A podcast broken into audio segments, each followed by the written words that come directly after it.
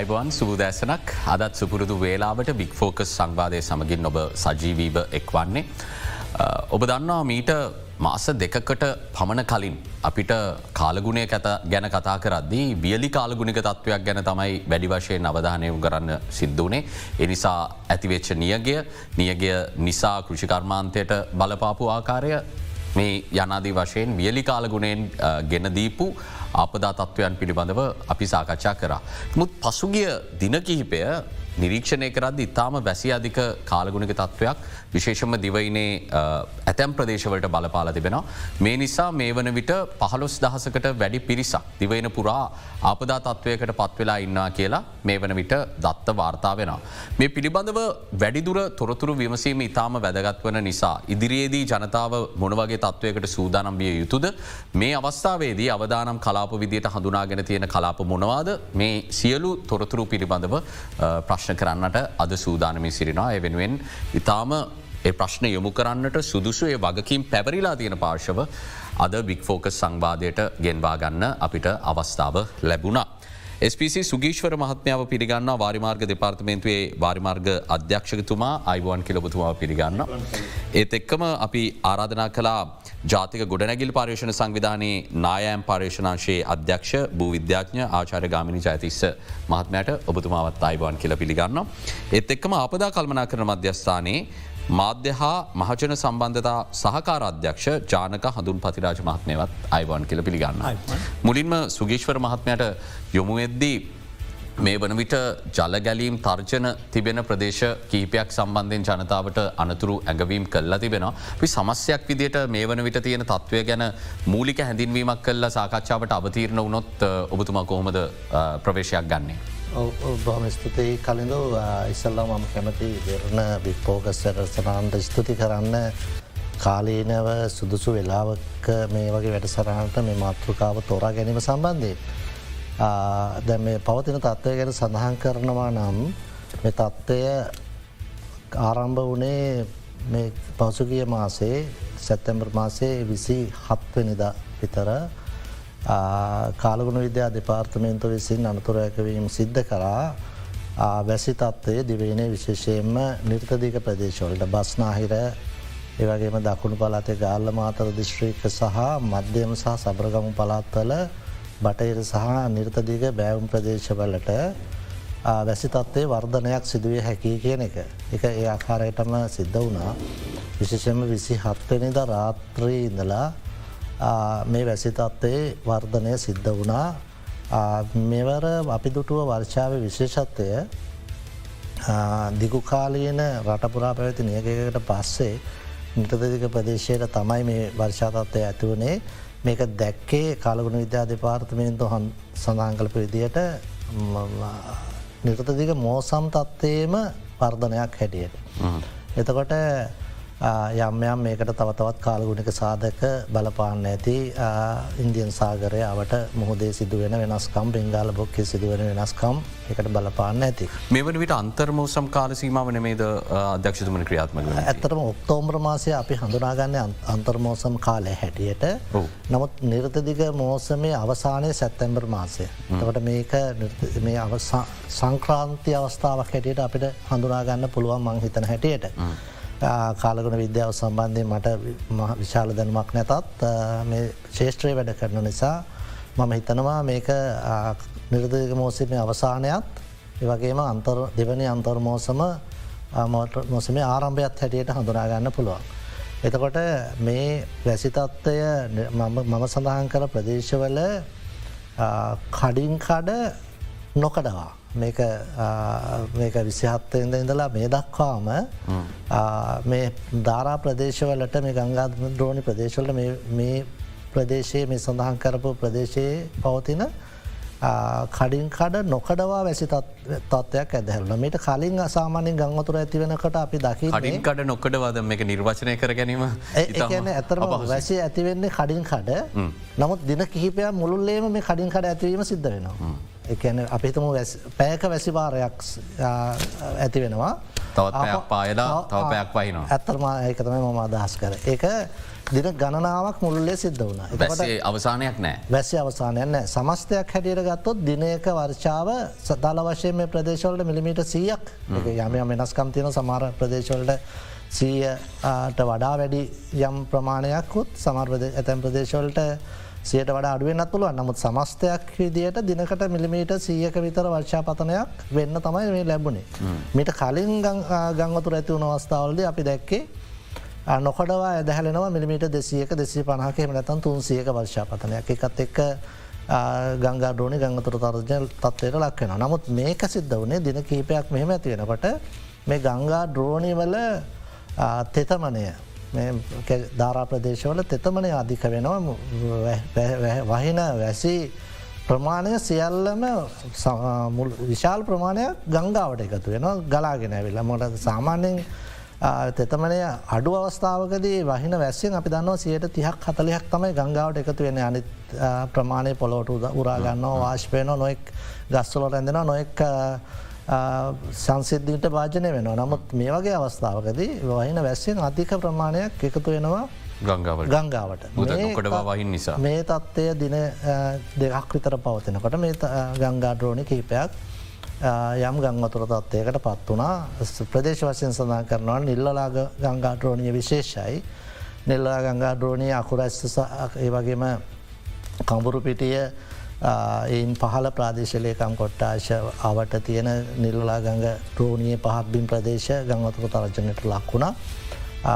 විශාල පාරවල් සංඛ්‍යාවක් ජලයෙන් යට වුණා ඇතැම් නිවාස ජලයෙන් යට වුණා මේක බලපෑම සැලකයුතු වලපෑම සිද්ධ වුණ නිල්ලලා ගඟ ද්‍රෝණයට. ඒවගේම ගිංගඟ ද්‍රෝණයේ පහළ ප්‍රදේශවලටත් නිල්ලලා ගඟ ද්‍රෝණයේ තරම්ම නැතත් ගිංග ද්‍රෝණයේ පහල ප්‍රදේශවල ගඟ දෙපස විශේෂම උඩුගම සිට පහලට මේ ගඟ දෙපස මාර්ග ගණනාවත් ජලයෙන් යට වන නිවාස කිහිපයක් ජලයෙන් යට වන යම් බලපෑමලට ලක්වුණ වගේම කළුගගේ වැඩිම බලපෑම සිද්ධ වනේ කළුගගේ තියෙනවා කුඩාගඟ කියන උප අතු ගංගාව මේ අතු ගංගාවක් කිවට මේකත් ඇත්තනු විශාල ගංගාව මේ ගංගාව ධාරා ප්‍රදේශය ගත්තොත් නිල්ලොලා ගංගා තරම් විශාලයි.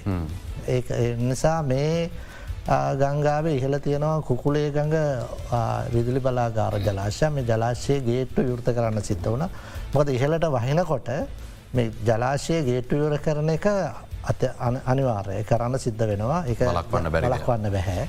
තොට මේ ජලධාරාව නිසා බුලත් සිංහල පාලින්ද නුවරේ වගේ මදුරාවිල වගේ ප්‍රාදේශලයකම් කොට්ටාශවල පහත්බින් ප්‍රදේශ ගීපයක් ජලින් ඇට වුණා එවගේම අත්තන ගලුව ඩ්‍රෝණය ගම්පා සහයින් පහල ප්‍රදේශය යම් සුළු ගම්මතුර බලපෑම්වලට ලක්වන. මේ බලපෑම් මේ වන විටත් පවතිනවා. නමුත් මේ වන විට බලපෑම් ක්‍රමයෙන් අඩුවීමේ තත්වයකට පත්වෙලා තියෙනවා. අද දිනයෙන් පසුව සැලකයුතු ලෙස සමනයකට පත්වීමක් අපේක්ෂා කරනවා. වැසි තත්වය වර්ධනය සිදු නැත්තන්න කාල්ගුණ විද්‍යා දෙපාර්තමේන්තුවත් එක් ඔබතුමාලා නිරන්තරෙන් සාකච්ඡා කරනවාරම් එතකොට ඔවුන් මේ වන විට ඉන්න ස්ථාවරය මොකක්ද? මොනවගේ අනාවැකියක දින්න මේ වැසිතත්වය සමනයකට පත්වීම කෙදිනකද බලාපොරොත්තු වෙන්නේ.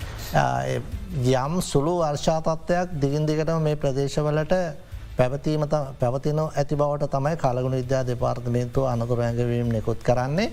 නමුත් වර්ධනය යම් අඩුවක් ප්‍රමාණය යම් අඩුවක් බලාපොරොත්තු වෙන්න පුළුවන් ඉදිරි දින කීපය තුළ යනු අපි විශ්වාස කරනවා ඉදිරි දින කීපය තුළ මේ තත්ත්වය සමතයකට පත්වේ.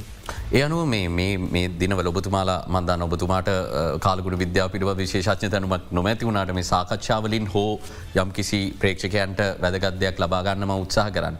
දැන් ඔබතුමත්කිව මේක නිරිත දිග මෝසමේ යම් කිසි ආකාරක වර්ධනයක් නැත්තම් තව ටිකක් ඉදිරිට ක්‍රියාත්මක වීමක් විදිර ඔබ දකිනා කියලා. එතකොට මේ විශේෂ සංසිද්ධියකට අනුව ඇදහැලෙන වැස්සක් නෙමෙයි නං. මේක කවද නවතීද කියලා කියන්නට හැකියාවක් තියෙන නිශ්ිත වශය මොකද ඊසානදික මෝසම නොවැම්බර් මාසේද යලි සක්‍රිය වුණොත් අකණ්ඩ වර්ෂාවක් අපිට ලැබෙන්න්න නීම ඇත්තටම තත්ත්වය නිර්තදික මෝසමේ අවසන් අදියර මේ පවතින්නේ. නිමෝසම ඉතා ඉක්මනින් අවසන් වේ නමුත් නමුත් අපි එල්ලැබෙන්නේ දෙවැනි අන්තර්මෝසම දෙවැනි අන්තර්මෝසම කියන්නේ ඔක්තෝබර් නොවැම්බර් මාස. මේ මාස තමයි ලංකාවේ සමස්තයක් ලෙස මුළු රටටම වැඩිම වර්ෂපතනය ලැබෙන මාසය. විශේෂයෙන්ම කෘෂිකාර්මික ජලාශවලට විදුල බලාගාර ජලාශවලට වැඩිම ජල ප්‍රමාණයක් එකතු වෙන මාස දෙක. එතොට මේ මාස දෙක අපි කොහොමත් දැඩි අවධානයකින් ඉන්න මාස දෙකක්. එක නිසා අපි වැසිතත්වය යම් සමනයවීමක් තාවකාලිකව බලාපොරොත්තු වනාත් අපි බලාපොරොත්තු යුතු ඉතිරි මාස දෙක තුළ දිවෙන පුරාම වර්ෂාපතනය වර්ධනය වෙයි කියලා එක පැත්ත එක අත්‍යවශ්‍යයි. මොද අපේ විදුලි බලාගාර දුවන්නන අපේ කෘෂිකාර්මික තවදුරටත් කතා කරම. සම්බන්ධ විශේෂ විදුලි බලාගාර සහ විදුලි උත්පාදනයට අදාළවත් ප්‍රශ්න කීපයක් තිබෙනවා. ආචාර ගාමිජය ශිස්සමාත්මය කොහොමද නායෑම් සම්බන්ධයෙන් අදුරගෙන තියෙන අබදානම කොහොමද අනතුර ඇඟවීම නිකුත් කල තින ආකාරය අපි සැකවින් මේ ගැන කතාකරු. කලඳ බොහම ස්තුති ඇතරම අපිටත් මේ අවස්ථාව අරධනා කිරීමකොද ජනතාවට යම්කිසි පනිඩයක් දෙන්න තියෙන මාධ්‍ය හරහා ගොඩනැගලි පරිශණ සංවිධානය විදිහට ගත්තහම අපි නායම් සම්බන්ධව පරීක්ෂණ කටයුතුසා ඒ අදාළ කළමනා කරන කටයුතු සමක් කරගෙන යන්නේ. ඒකෙද අපි ඇත්තර මේ වර්ෂාව ආරම්භ වෙනවා කියන එක කාලගුණ විද්‍යාන්සවලින් කිවට පස්සේ. අපි ලංකාවේ ස්ථාවර කරලා තියෙනවා ඔටෝමේට ට්‍රේන් ගේජස් ඒවා හරහා අපි ඒ දත්ත වෙබ්බේස්සකෙන් ලබාගෙන අපි නාය මනතුරු ඇඟවීම නිවේදන නිකුත් කරට පටන් ගත්තා. ප්‍රධාන වසයම ගත්තහම අපිට හම්බන්තට කොටසක් ඒවගේ මාතර ගාල්ල කළුත්තර රත්නපුර කෑගල්ල ඒ වගේ දිස්ත්‍රික්කොල්ට තමා මේකේ දැඩි බලපෑමත් තිබ්බේ. ඇතරම දැඩි කියන්න බෑ නායම් පැත්තෙන් ගත් හමිතාම අඩු බලපෑමක් අපි පහුගේ වසරෝල්ට සාපෙක්ෂ ගත්තහම. එයනු අපිට අද වෙනකොට ඇත්තනම සුළු සිද්ධී තිහකට ආසන්න ප්‍රමාණයක්තම වාර්තා වෙලා තියෙන්නේ ඒක ඇත්තර මෑත කාලේ ඒවත් එක් සංසන්දරි කරපම්ම පොඩි අඩු ප්‍රමාණයක් සාපේක්ෂ බල සාපෙක්ෂ බලපු හාම ජීවිතහානය වගේ ජාති වාර්තා වෙලත් නෑ වගේම ප්‍රධාන වසේ මාර්ගොල සහ නිවාස පිටි පස කණ්ඩි කඩා වැටි තියෙනවා. විශේෂම මහිතන සුගිස්වර කිව කාරණත්තෙක් ගත්තාම මෙ කඩින් කඩ නොකොට හලැපෙන වැස්සත් එක්ක ඒක විශේෂත්වයක් තමයි දැන් මේ වෙනකොට පොළොව සන්තුප්ත වෙලා තියෙන ජලය. දොර සන්තෘප්ත වෙච්චි පස කඩාගෙන වැටෙන්ට තින ඉඩ වැඩි. ඇති ඒක නිසා තම අපි දැන් ඉදිරිය ගැන විශේෂ අවධානයක් යොමු කරන්න ඕනේ මේ කඩින් කඩ මේ වැසි ලැබිලා මේ තෙමිලා පෙගිලා තියෙන පොළොව ඊළඟට එන්න ඉතාම කුඩා වැස්සකද වුණත් ලොකු නායක් දක්වා වර්ධනයම හැකියාවතිය. ඒක තමයි අපිට තියෙන විශේෂ දේ දැම් මේ වෙලාවේ විශේෂයෙන්ම කණ්ඩි කඩා වැටීම කියනකට ප්‍රබ්බල බලපෑමත් දැන් තියෙනවා. සාමාන්‍යයෙන් අපේ කඳුකර ප්‍රදේශවල ගත්ත හම්ම සෑම නිවසක් පිටි පස්සම අස්ථාවර කණ්ඩියත් තියෙන. කොතන් සාමාන්‍ය ස්වභාවය. මම අදකල තිීර විදිර මොකද ම මේ ලෑන්ස්රයිට් තියන ප්‍රදේශවල් හැමතන මැයිසල තිරන ඒවයි දැකලා තින ති එක නිසා තමන්ගේ නිවාස පිටු පස අස්ථාවර පස් කණ්ඩියත් තියෙනවා නම් විශේෂය මේ පිළිබඳ අවධානය යොමු කරන්න ප්‍රාත්‍රී කාලයට ඒ නිදා ගැනීමෙන් සම්පූර්ණය වලකින් ලෙස තම කාරණක ඉල්ලා සිටමකොද අපි අත්දැකල තියෙන දේතමා මේ මෑත කාලය ගත්තහම වැඩි පුරම මේ ගෙවල් පිටි පස තින කණ්ඩි කඩ වෙලතම මිනිස් මැරෙන්නේ.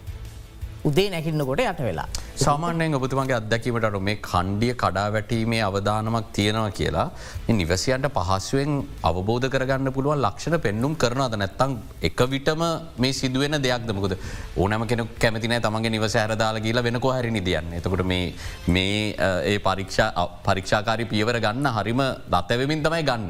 තුට මේක ඉක්මනින් වෙන දෙයක්ද? නැත්තම් ලක්ෂණ කොමද අඳුරග කණ්ඩි කඩා වැටිට දැ නායම් ගත්තාම නායම් මොල එකැනෙ සා ස්වාභාවික නායම් විශාරනායම් වල අවස දෙගත් තින එකක් තමා ප්‍රෝග ලක්ෂණ. රෝග ලක්ෂණය නාය ලක්ෂණ මතු වෙලා යන හිමින් යන එක තියෙනවා. ඒකම කිසිම ලක්ෂණ එන්නත එක පාට්ට වෙන අර සඩන් හාට් ටැක් වගේ වෙනවා තියෙනවා. එම කණ්ඩි කඩා වැටීම ගත්තාම ඒ වගේ අර ලක්ෂණ මතුවීම කියන ගොඩක් අඩුයි. අඩුයි. හැබැයි පොඩි ඉංගයක් අපිට ගන්න පුළුවන්. ප්‍රධාන කණ්ඩ කඩා වැටීමට කලින් පස් වැටෙන්ඩ පුළුවන්. ගල් වැටෙන්ඩ පුළුවන්. ඊට පස් සමහර අවස්ථාවල දී ඉහල බෑව් මේ පොඩිපොඩි පැළුම් හැදෙන්න්න පුළුවන්. ඒ වගේ ලක්ෂණ ඇති වෙනවා. හැබැයිතින් ප්‍රධාන වසය මර ප්‍රධාන නායෑම්මොල වගේ අපිට ලක්ෂණ දකිට ලැබෙන අවස්ථා අඩුයි.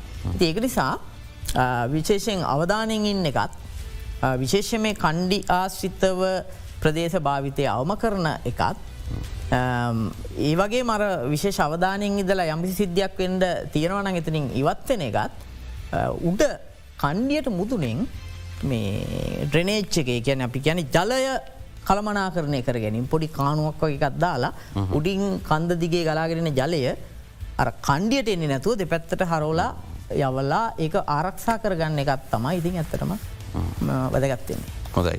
අපි ජානක හඳුන් පතිරාජ මහත්නයට එම වෙන අපද කල්මනා කරන මධ්‍යස්ථානය පැත්තෙන් තොරතුරු විමසන්න.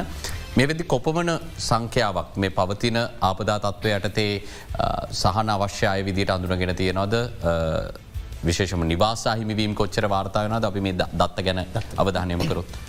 ඔව මත් ඉස්සලාම දෙන්න ඇතට ස්තුතිවන්තින මොකද අපි මහජනතාව නිරන්තරෙන් දැනුවත් කිරීම කියනෙක් සිදු කළ යුතුයි.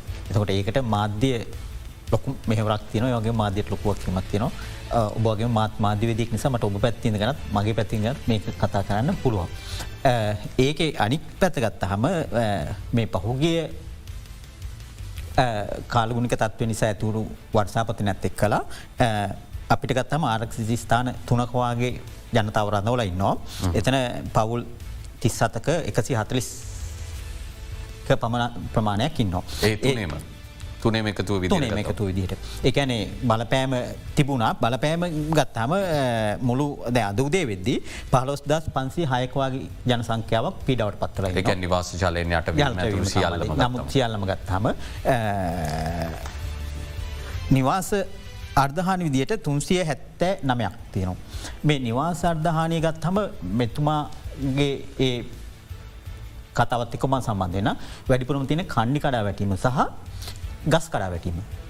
පොඩි මද සුළන් මේ වැඩි හුළඟක් තිබා ඒ හුළගත් එක් තිබිචි ගස් කඩා වැටීම එක නිවාස අර්ධහානි වෙච්චේව තමා තියෙන. එතකොට මේකෙදී මම දකින එක දෙයක් තම අප අපදා කල්මනා කරනය සම්බන්ධ කතාකද අපි නිරන්තරෙන්ම දිස්ත්‍රික් මට්ටම ජනතාව දැනුවත් කරන ග්‍රමී මට්ටම දැනුවත් කරනවා ඒවගේ මාධ්‍ය මේවාගේ හැමවස්ථාකම අප ජනතාව දැනුවත් කිරීම කරනවා. හැබැයි මේ ගස් කඩ වැටීම ගත්හම සමහට මගේ ගෙතර ඔබේ ගෙතර මේ අපි කාගේ ජවල්ලොල් තමයි වෙන්න තවට අපි තවමත් අපි ඇයි මහජනතවදයට අපි අනාරක්සිතද අපේ ගෙදර මේවාගේ ගහ කඩා වැටල අපේ නිවස හානි වෙනවාන. එමත මගේ ගෙදර කණ්ඩිය කඩා වැටලා මේක හානි වෙන තරමට අපි තවම අනවධානයෙන් දින්න කෙනෙක් සම්බන්ධින් මහිතන්නේ ජනතාවම අපි කතිකාවතක් ඇතිකර ගත යුතුයි මගේ ගෙදර එහමනත මගේ නිවස කියනෙකන මේ තින්. එතෝ දැන් මගේ නිවස හානි වුණ හම මම තාවකාලිකු තැනකට ගිහිල පදිංචි වෙනවා ඊට පස්ස අපහ ඇවිදලා අර අනාරක්ෂි තැන පදිංචෙනවන ඒක පිළිබඳ මහජන්සාග පැත්තිෙන් ඇත්තරම අවධානයම කළ යුතු අපි ඇයි මේ අනාරක්ෂිත වෙන්නේ. අර ඔබතුමා කියපු ආරක්ෂිත ස්ථාන තුනේ පවුල් තිස්සතක් ඉන්නේ. මේ නිවාස අහිමි වූ අයද සිරු ආරක්ෂිත පියවරක් විදිට ආරත් කරගත්ත ඇති ආරක්ෂි පියවරදි ඉවත් කරගත්තුව. සහ ගංවතුර හේතුවෙන් තව කලිකු ඉවත් කරප අපි ගාල මාතර තම මුර නිවාසාහනි කොපමන වාර්තාව නද මෙවිදි සම්පූර්ණයම නිවසක් විනාශයට පූර්ණ හානි තියෙන එක නිවසක්. පූර්ණ හානි තත්වට පත්වල තියනවා. එකයි තියෙන. ඉට පසේ මේ ඇම් තුවාල්වීම් සම්බන්ධ තොරතුර අපිට තම වර්තා වෙලා නැහැ.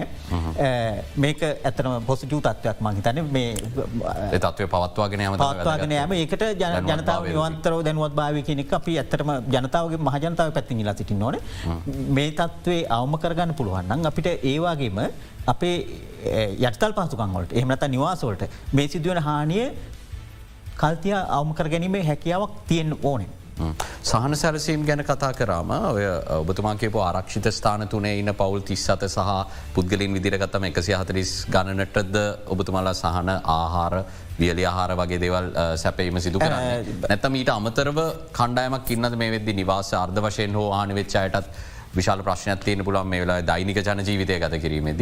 ඒ වගේ අය වෙනුවෙන් අපදා කල්මන කරන මධ්‍යස්ථානය මැදිහත්වීම මොන වගේද. අපි අපදා කල්මනකන මධ්‍යස්ථාන විදිහට සාන සේව මධ්‍යස්ථානු ඉන්නයට ජාතික සාහන සේව මධ්‍යස්ථානයෙන් ආහාර පිසු ආහාර ලබා දෙනවා. ඊට අමතරව අපි ඥාති පවුල් ඥාති නිවාසුල ඉන්න ප්‍රමාණයක් ඉන්නවා ඒක තුන්සේ ගණක්වාගන්න.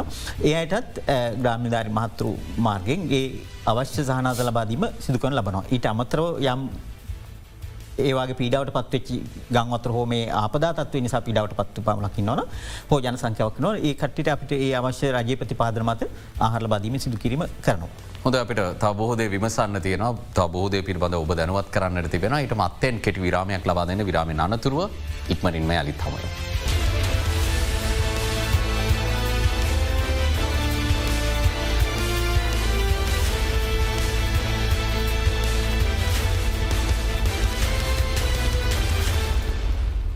පවතින අයහපත් කාලගුණ තත්වය සම්බන්ධයෙන් සාකච්ඡා කරන්නේ ජනතා විදියට ඔබ මේ මොහොතේ කොහොමද විමසිල්ලෙන් ඉන්න ඕනේ? ඒවගේම වගකිව යුතු පාශ විදිහට මොනවගේද මේ සම්බන්ධය දත්ත රැස් කල්ල තිබෙන්නේ සහ ඉදිරිය මොනවගේද පුරෝගතනය කරන්නේ? සහන සැලසී මොනවගේද සිදුවෙන්න? මේ සියල්ල ගැනපි කතා කරමින් ඉන්න මේ අවස්ථාවන විට. ස්පC සුගේශ්වර මහත්මයට මං මුලින්ම යොමවෙන විරාමය අනතුරුව දැන් මේ ජල ගැලීම් සම්බන්ධ අවදානම් තියෙන ගංගා ද්‍රෝණී ආශ්‍රිතව ජීවත්වන ජනතාවට විමසිල්ලෙන් ඉන්න කියලා විතරද දැනුම් දීල තියන්නේ නැත්තම් හඳුනාගත යම් ප්‍රදේශවල හෝ ජනතාව ඉවත් කර ගැනීමක් කරන්න තරම් අවධානවක් තියෙනවද හඳුනාගෙන. ඇතරම ගංවතුර අනතුර වැඟවීම් සිද්ධ කරහම අපි කාරණා දෙකම සඳහන් කරලා තමයි නිවේදන නිකුත් කරන්නේ.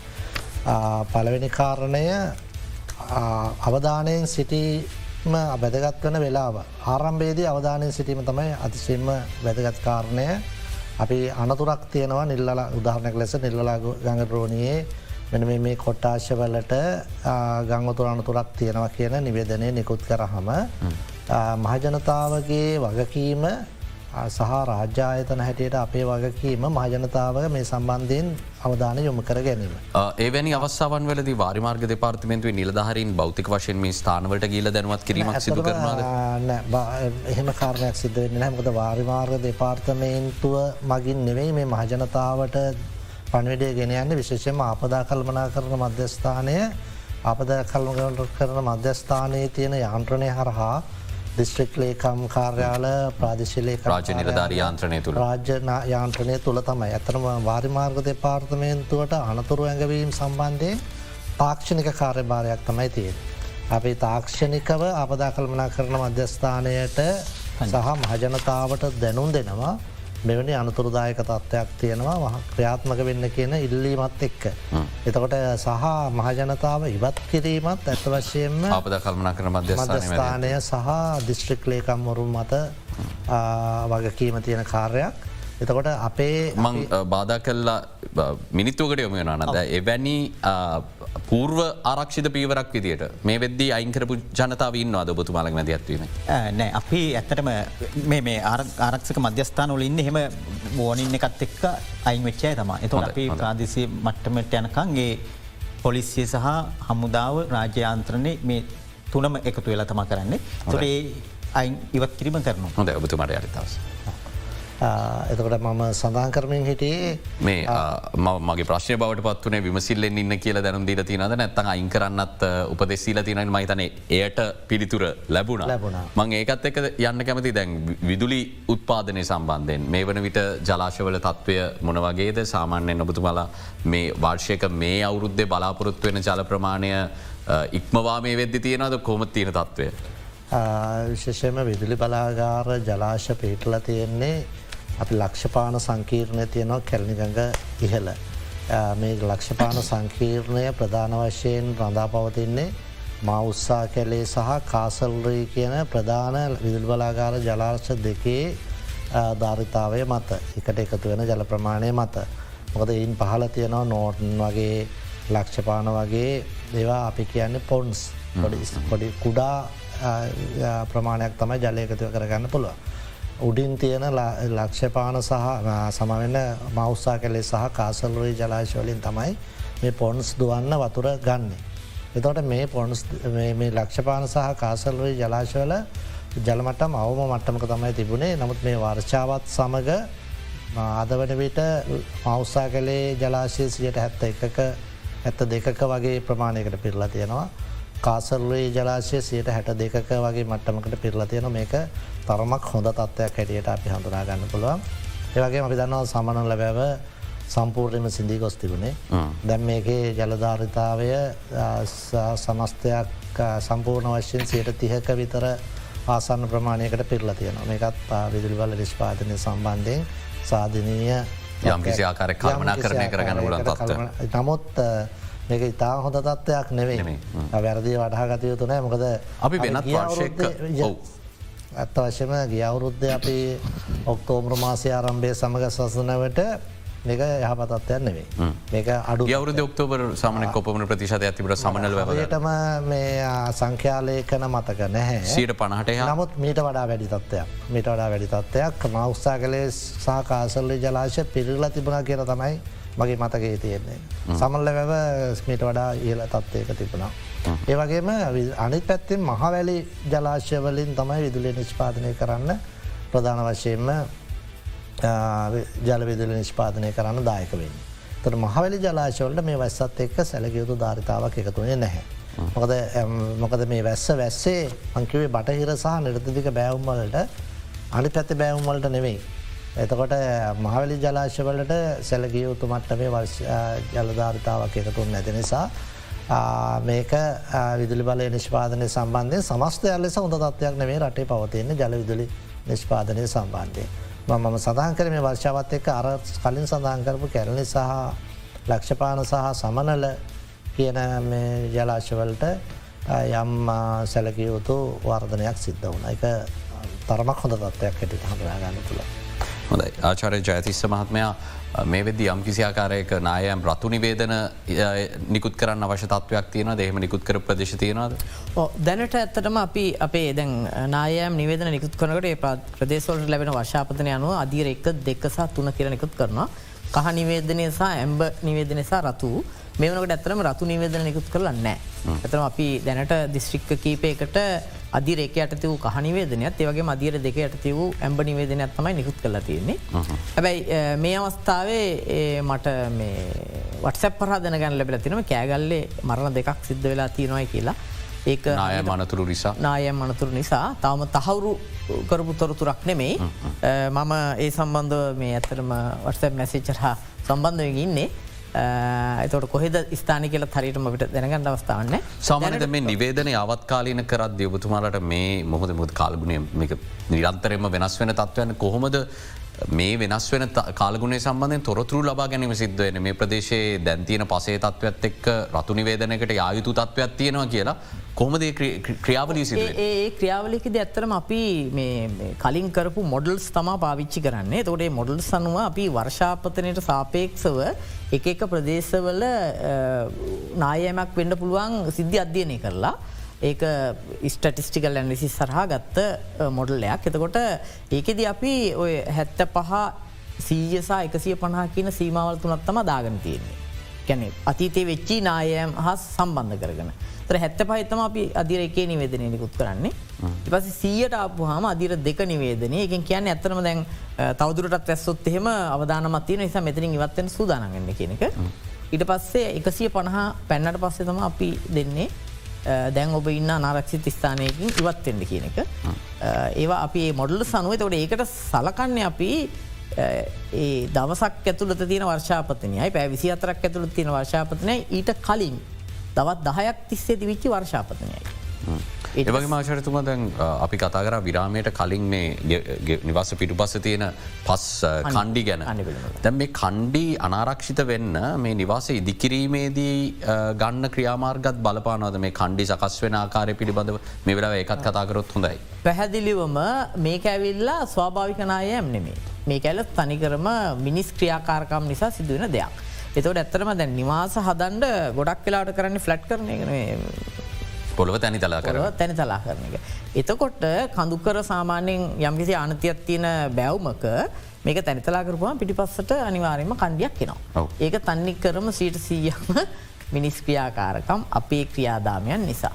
එතකොට ඒ ඇත්තරම අපිට වලක්ක ගන්න පුළුවන් මොකද කඳුකරය කියලා අපි මේ මිනිස්සු අයින් කරලා ජීවත්තෙන්ට පුළුවන් රටක් රටක හෝ ඕ එතකොට ඇබැ ඒකට තාක්ෂණික ක්‍රම තියෙනවා. එතකොට එකක් තම සරලෝ ගත්තොත් අපිට නිවාසය ඇත්තටම ස්ටෙප්ස් විදිහට කන්දට සමායක නිවසක් ඉදිකරද්දි සැලස්ම අනුමත කර ගැනීමේදී ගොඩනැගිලි පර්ේෂණ අයතනයට කිසිම භූමිකාවක් නැද්ද විශේෂම කඳුකර ප්‍රදේශවල හෝ පැහැදිලියෝම තියෙනවා. ඇත්තරම මේ ප්‍රශ්නය විසඳන්න ඕන නිසාම අපි දෙදස් එකොළහේ අපි නීතියක් ඉදිරි සම්මත කරගෙන තියෙනවා. ඒ කඳුකර ප්‍රදේශවල එක නායෑම් සිද වෙනවයි කියලා අපි නම් කරලා තියෙන දිශ්‍රික්කවල ඕනෑම ඉදිකිරීමක් හෝ සංවර්ධන කටයුත්තක් කරන්න කලින් ජති ගොන්නගලි පරිශ්න සංවිධානය නිර්දේශ ලබාගන්න කියලා. ඒක දැනට අපි දිස්ත්‍රික් කාරයාල දහයක් ලංකාවපුර අපි හිටෝලා ඒ උපදෙස් ලබා දෙන එක සහ අවශ්‍ය නිර්දේශ ලබා දෙන එක ක්‍රියාත්ම කරගෙන යනවා. ඒ අනිවාර්ය තත්වයක් බවට පත්වලා තියෙන එක අනිවාර්ය තත්ත්වයක් සැරසම අනුමත කර ගැනීමේදේ අනිවාරෙන් සිදුවේ නද ප්‍රායෝගිකව ප්‍රායෝගික සිදුවෙන්නේ යම් ප්‍රතිසතයක් පමණයි. එක තම එහම වෙන්න කොම අධ්‍යක්ෂතුම හේතුව? දැන් මේ අනිවාර්යයි නම් තුර ඉතුරු ප්‍රතිශතය නීති විරෝධී දිකිරීම වෙන්නවා. ඔවු දැ මෙහෙමයි. ඇත්තරම ගත්ත නීති විරෝධී. හැබැයි දැ රටේ පවතින තත්ත්වත් එක් මේ නිවාස විතරනම සමට හෝටල් විශාර සංචාරක නිකේතන පවන්න පුළුව අපි දකින සිදුව ඕ විශේෂම ගත්තාම අපිතම සංචාරක නිකේතන හෝ ව්‍යාපෘති සම්බන්ධයව්වා. අනිවාරයෙන්ම රාජ්‍යයේ විධ ආයතනවල මැදිහත්වීම තීර නිසා අපේ අනුමැතියට එනවා. හැබැයි ගොඩක්තුරට ග්‍රාමිය මට්ටමෙන් හැදෙන නිවාස දරේ ග්‍රාමිය මට්ටමට යනකොට අපේ ඇත්තටම මේ ඒ නිවාස සෑදීමේ ක්‍රමවේදය දැන් අපිතමකෝ යුඩේ ඩික්ලයාඩ් ඒරිය එකක් නං ඒක ඒ ක්‍රමවේදය හරියට ක්‍රියාත්මක වෙනවා. ඊට පස්සේ අපිතුමක ප්‍රාදේශය සභා බල ප්‍රදේශයක් වුණොත් ඒ ප්‍රාදේශි සභාව හෝ නගර සභාවේ නගර සභාව ගත්තොත් ඒකත් හොඳට ක්‍රියාත්මගෙන. ප්‍රාදේශ සභා බල ප්‍රදේශලටන ප්‍රාදේශි සභාව තිබ්බට දුර ගම්මානවලට ඒක ක්‍රියාත්මක වීමේ අධිපානය නොවන තත්ත්වයක් තියෙනවා. ඒ නිසා ඒවගේ ප්‍රදේශ දැන් ඇත්තරමත් අනුමැත නොවන තත්ව ඇතිය. ඒවගේ ප්‍රදෙසලතම නායෙන් වැඩි. හැබැයි ඒවගේ ප්‍රදෙසලතම අර අනුමැති අරගන ඒ නීතියානුකුල ක්‍රමවේදයට සහ ඒ දෙන නිර්දේශ ක්‍රියාත්මක නොවෙන මට්ටම සමන ජනතාවටත් මේ සම්බන්ධයෙන් වග වීමක් ලබා ගන්න. යම්හයකින් එවැනි ඉදිකිරීමක් කල් අනායමක් සිදුවනොත්. ඒ සඳහා ආණ්ඩුව පාශවෙන් සහනසා වන්දි ලබා ගැනීමේදත් ප්‍රශ්න ඇති වෙන තත්වකට ගෙනාවත් සමට ජනතාවට ඒ පිළිබඳ දැනුව දුන්නොත් මීට වඩ මේ තත්වය පාලනය කරගන්න බැරිවේද. ක්‍රමාණුකූලෝ මං විශ්වාස කරන පුළුවන් කියලා. මොකද ජනතාවගේ දැනුවත් භාවයත් ඒකම ඒවා සම්බන්ධව දක්වන සංවේදී භාවයන මේකෙදී ගොඩක් වැදගත්තෙන්නේ එතර දැන් අපේ ලංකාගත්තම ගොඩක් ජනතාව මේ පිළිබඳ එච්චර සංවේදී නැති භාවයක් ඒඩම පස් කණ්ඩේ කපන්න වෙනකාගෙන්ත් අහන්න මොකද කියල හිතන්න පුළුව එහෙම එහෙකුත් තියෙන ඉතින් ඇතරමදේ මේ වගේ මේ මාධ්‍ය සාකච්ඡා වනත් අපිට හරි වැදගත් ඇත්තර මේ පනිවිඩේ ගෙනියන් සහ මිනිසු මේකට සංවේදී කරන්න. අපි ඉතිං සරලව ගත්තොත් අපේ රට අර නීති තිබ්බට ඒවා ක්‍රියාත්ම කන ප්‍රමාණයත් එක්ක ගත් හම යම් මට්ටමක් තම අපිට ජීව කරන ල හැම තැනව වගේ මෙතනත් හොඳ අපි කෙටි විරාමකට වෙන විරාම අනතුරු යලිතික්මනින් හමය.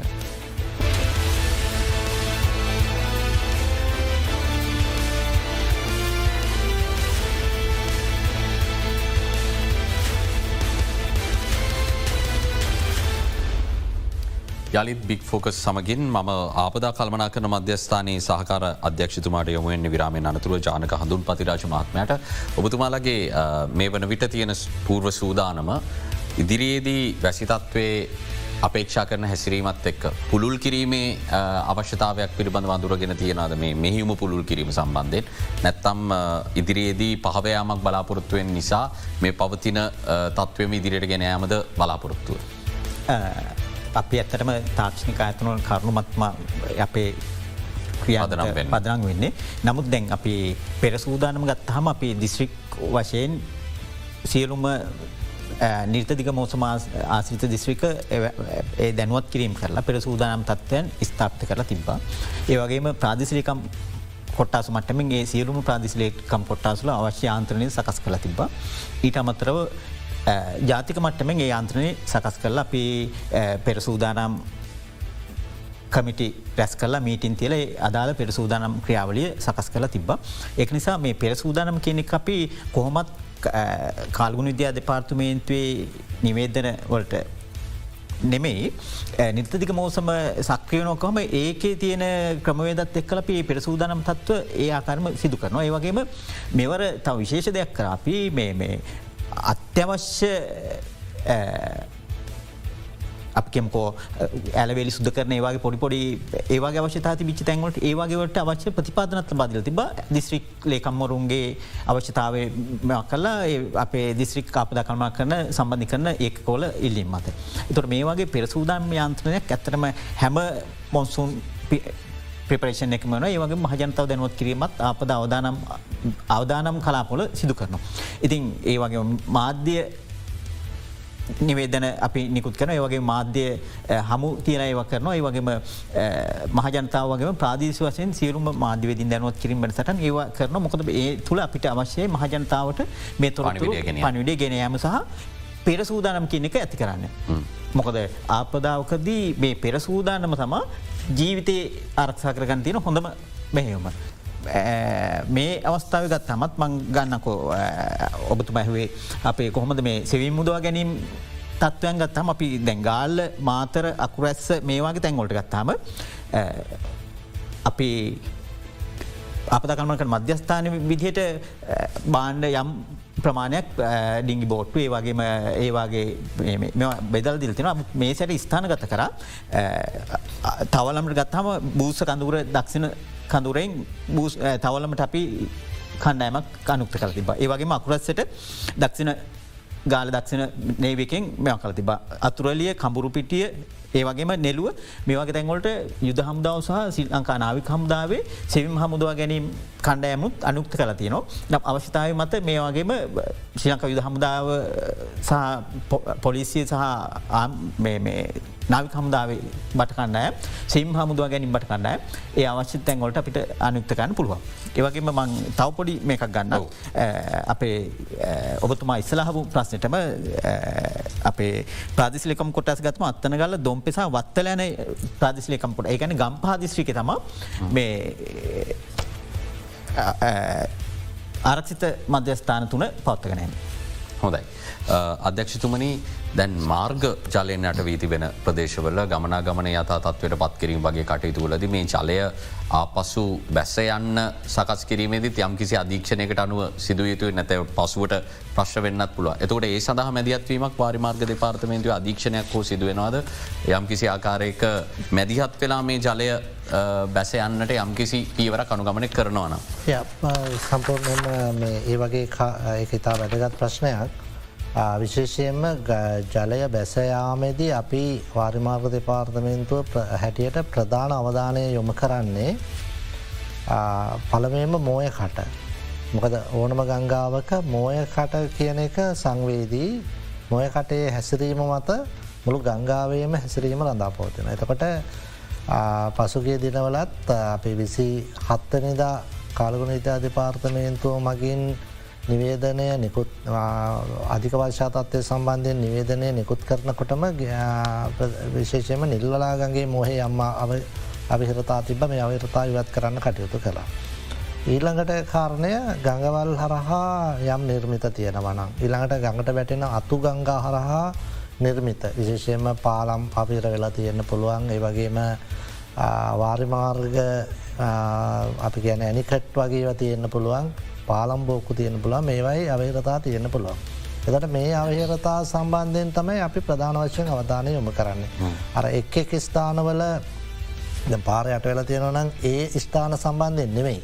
ඇතරම මේවයි කොන්රෝලින් පොයින්ටවල්ට තමයි වාරිමාර්ග දෙපාර්මේන්තු අවධානය යොම කරන්නේ.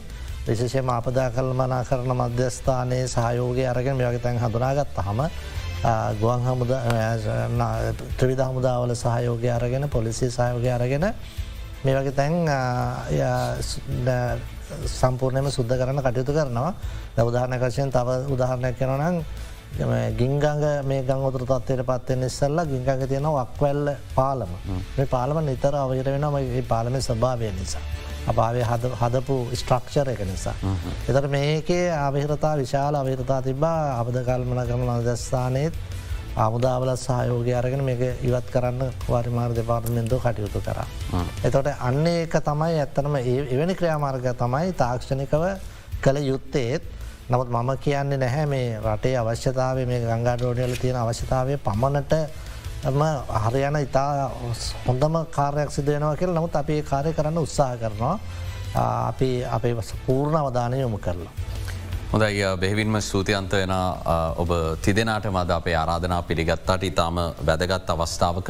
මොකද මරණ වාර්තා වෙලා නැහැකිල අපි කතා කර. නමුත් මේ තත්ත්වය ඉදිරියට පවත්වාගෙන යන්න නම් එතුමන්ලා ලබාදීප උපදෙස් අනුව විමසිල්ලෙන් සිටිය යුතු ප්‍රදේශවල ජීවත් වෙන සහෝදර ජනතාව විමසිල්ලෙන් සිටිය යුතුයි. එවිට මේ අපදා තත්ත්වේදී හානිය ඉතාම අවම කරගෙන මේ කාලසීමාව ගත කරගන්න අපිට හැකියාව ලැබේවි. ඔබතුමන්ලාට සූතිවන්තයන ගමන් අදට බික්‍ෆෝකස් සංවාධයෙන් සමුගන්න හෙටත් සුපුරුදු වේලාවට ඔබ හමුවන්නට අපි සූදාන. සුපදිනයක්.